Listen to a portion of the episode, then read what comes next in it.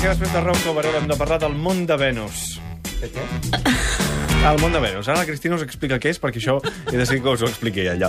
Estem acostumats a veure pits operats, pòmuls operats, bosses dels ulls i arrugues allisades, però sembla que últimament les modes de cirurgia estan baixant cap avall.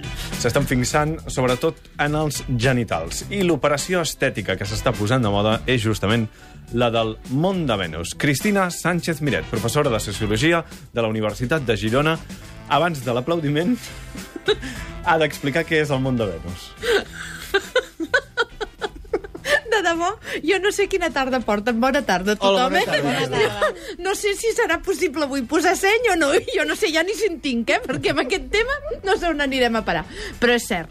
És a dir, el cànon estètic no només es queda en allò que veiem. Va més avall, com deia el Xavi. Però què és el món de Venus? El món de Venus és, és la part del pubis, diríem, on tenim el pèl, per dir-ho d'alguna manera. No sé Claríssim, si així ara ja queda ben aplaudir. explicat. Bravo! Però Bona tarda. Però què ha passat, Cristina? és que no ho sé, encara. Anda... O sigui, portem la Cristina per parlar del borrissol? La setmana passada, una revista esportiva molt famosa va treure en portada la fotografia d'una model que ensenyava bastant el món de Venus. A partir d'allà es va començar a dir que als centres d'estètica hi havien començat a rebre uh, un augment de, de sol·licituds per operacions d'aquesta part del cos quan ja fa temps que es diu que mm, les operacions dels genitals estan molt i molt de moda, segurament massa. Sí. I no, I no només ja del món de Venus, o sigui, tirant més avall ja fa molt de temps que... que, que Els les callos. Que. Els peus. No, No no, no anava tan avall. Ah, va, en quedaven a les zones genitals Ah, va, ja fa va. temps que aquesta idea del rejuveniment, si és que li podem dir així, eh, o el fet de que les coses semblin allò que no són, o en tot cas que el pas del temps no es noti, d'una manera una mica extravagant de vegades, és una cosa que, que, que s'està estenent a tot el nostre Ai, cos coi. i a tot el que ens envolta. Eh? Ja no només és, diríem, de Però dins, de fora dient- i de tot arreu. M'estàs dient que... Vull dir, que sembli més jove? Però com- que- A veure, el que m'apell, l'excusa- saps? La d'això, que, que sembli més jove? El tema és que estem Fixa't. arribant a operar coses que semblaven inoperables Sí, fins però ara. és que la tècnica ens permet moltes coses. Sí. Una altra cosa és la raó a on arriba i a on no arriba. És a dir, jo us deia que és amb una idea del rejuveniment, del rejuveniment, perquè, de fet, socialment el que prima és el ser, el ser jove. El que està de moda, el valor que busquem és seguir semblant joves. I us deia sembla, posava eh, la paraula entremig, perquè, clar, jo no sé, ara ja vull anar més amunt, eh? vull anar a la cara, diríem que estic més còmoda. Jo no sé si heu vist eh, darrers rejuveniments que et semblen qualsevol cosa menys un rejuven reju- rejuveniment. Ja no em surt ni la paraula. És a dir, amb aquesta idea de deixar les coses terces, de deixar les coses sense arrugues, de que les coses no pengin, al final acabem deformant el que és, eh, no diré les nostres faccions, però en tot cas la nostra expressió segur, eh, diríem, eh, eh, en el sentit més natural de la paraula, si és que Però, existeix. clar, eh, una operació de fimosis, jo em vaig fer fimosis fa molts anys, això és... No, això no entra en el, no? en el tema que estem parlant avui. Però- Tu et però- vas sentir més jove quan te la vas fer? Més, més, com més... Més preparat. Sí, i com més arreglat tot, saps? Com Com- Més, saps com és la peluqueria? Que surts més, És amb el veritat- cap més ben ventilat? És veritat, Vaja. però, que aqu- aquesta És operació que no és un extrem, no? d'aquesta operació teva, de veritat, fa Però això. L'altre dia a la ràdio, moltes a la operacions redacció- d'estètica... No, no digues Marta, sisplau. El motiu que porta molta gent a fer-se operacions d'estètica és sentir-se millor amb un mateix, que això seria bo.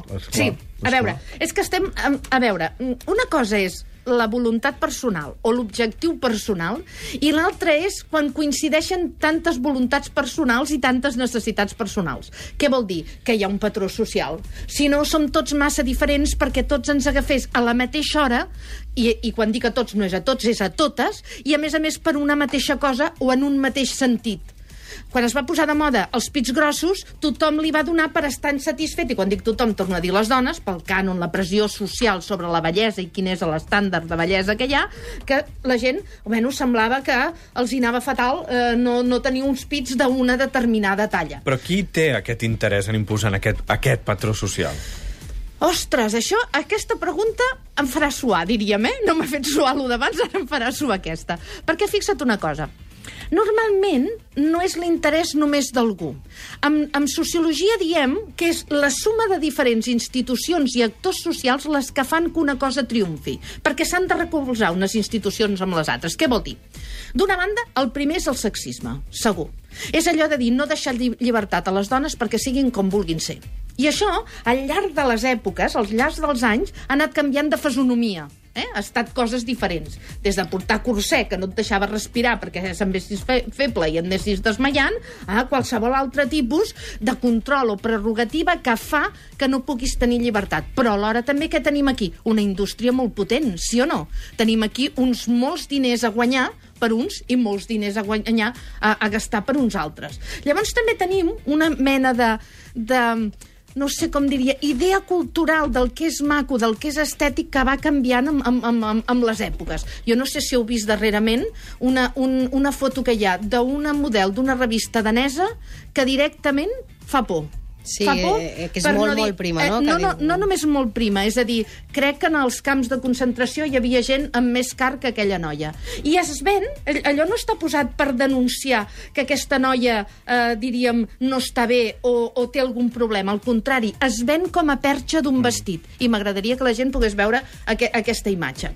Per tant, tornant al que em preguntaves, Xavi, la idea és Um, hi ha un interès d'algú determinat a darrere? No, hi ha una sinergia d'interessos i de processos culturals i socials que fan que es donguin aquest tipus de motivacions. Després, què passa? Que hi ha la publicitat que fa que, que això eh, es, entri aquesta necessitat a moltíssima gent perquè hi ha gent a darrere que hi pot guanyar molts diners amb les operacions, amb tot el que significa la indústria de l'estètica. Sabeu que és una de les que més va pujar malgrat la crisi. Us en recordeu d'això? Les 65.000 dades. operacions d'estètica a l'any a l'estat espanyol. Sí, i cada vegada amb gent més jove i cada vegada més homes, tot i que són un percentatge molt petit, eh? no me'n recordo si estan entre un 10 o un 20%, és molt baix encara. Però cada vegada la gent més jove i cada vegada eh, més, eh, eh, a més col·lectius de població, per dir-ho d'alguna manera. Això no treu que individualment hi hagi qui es pugui sentir millor.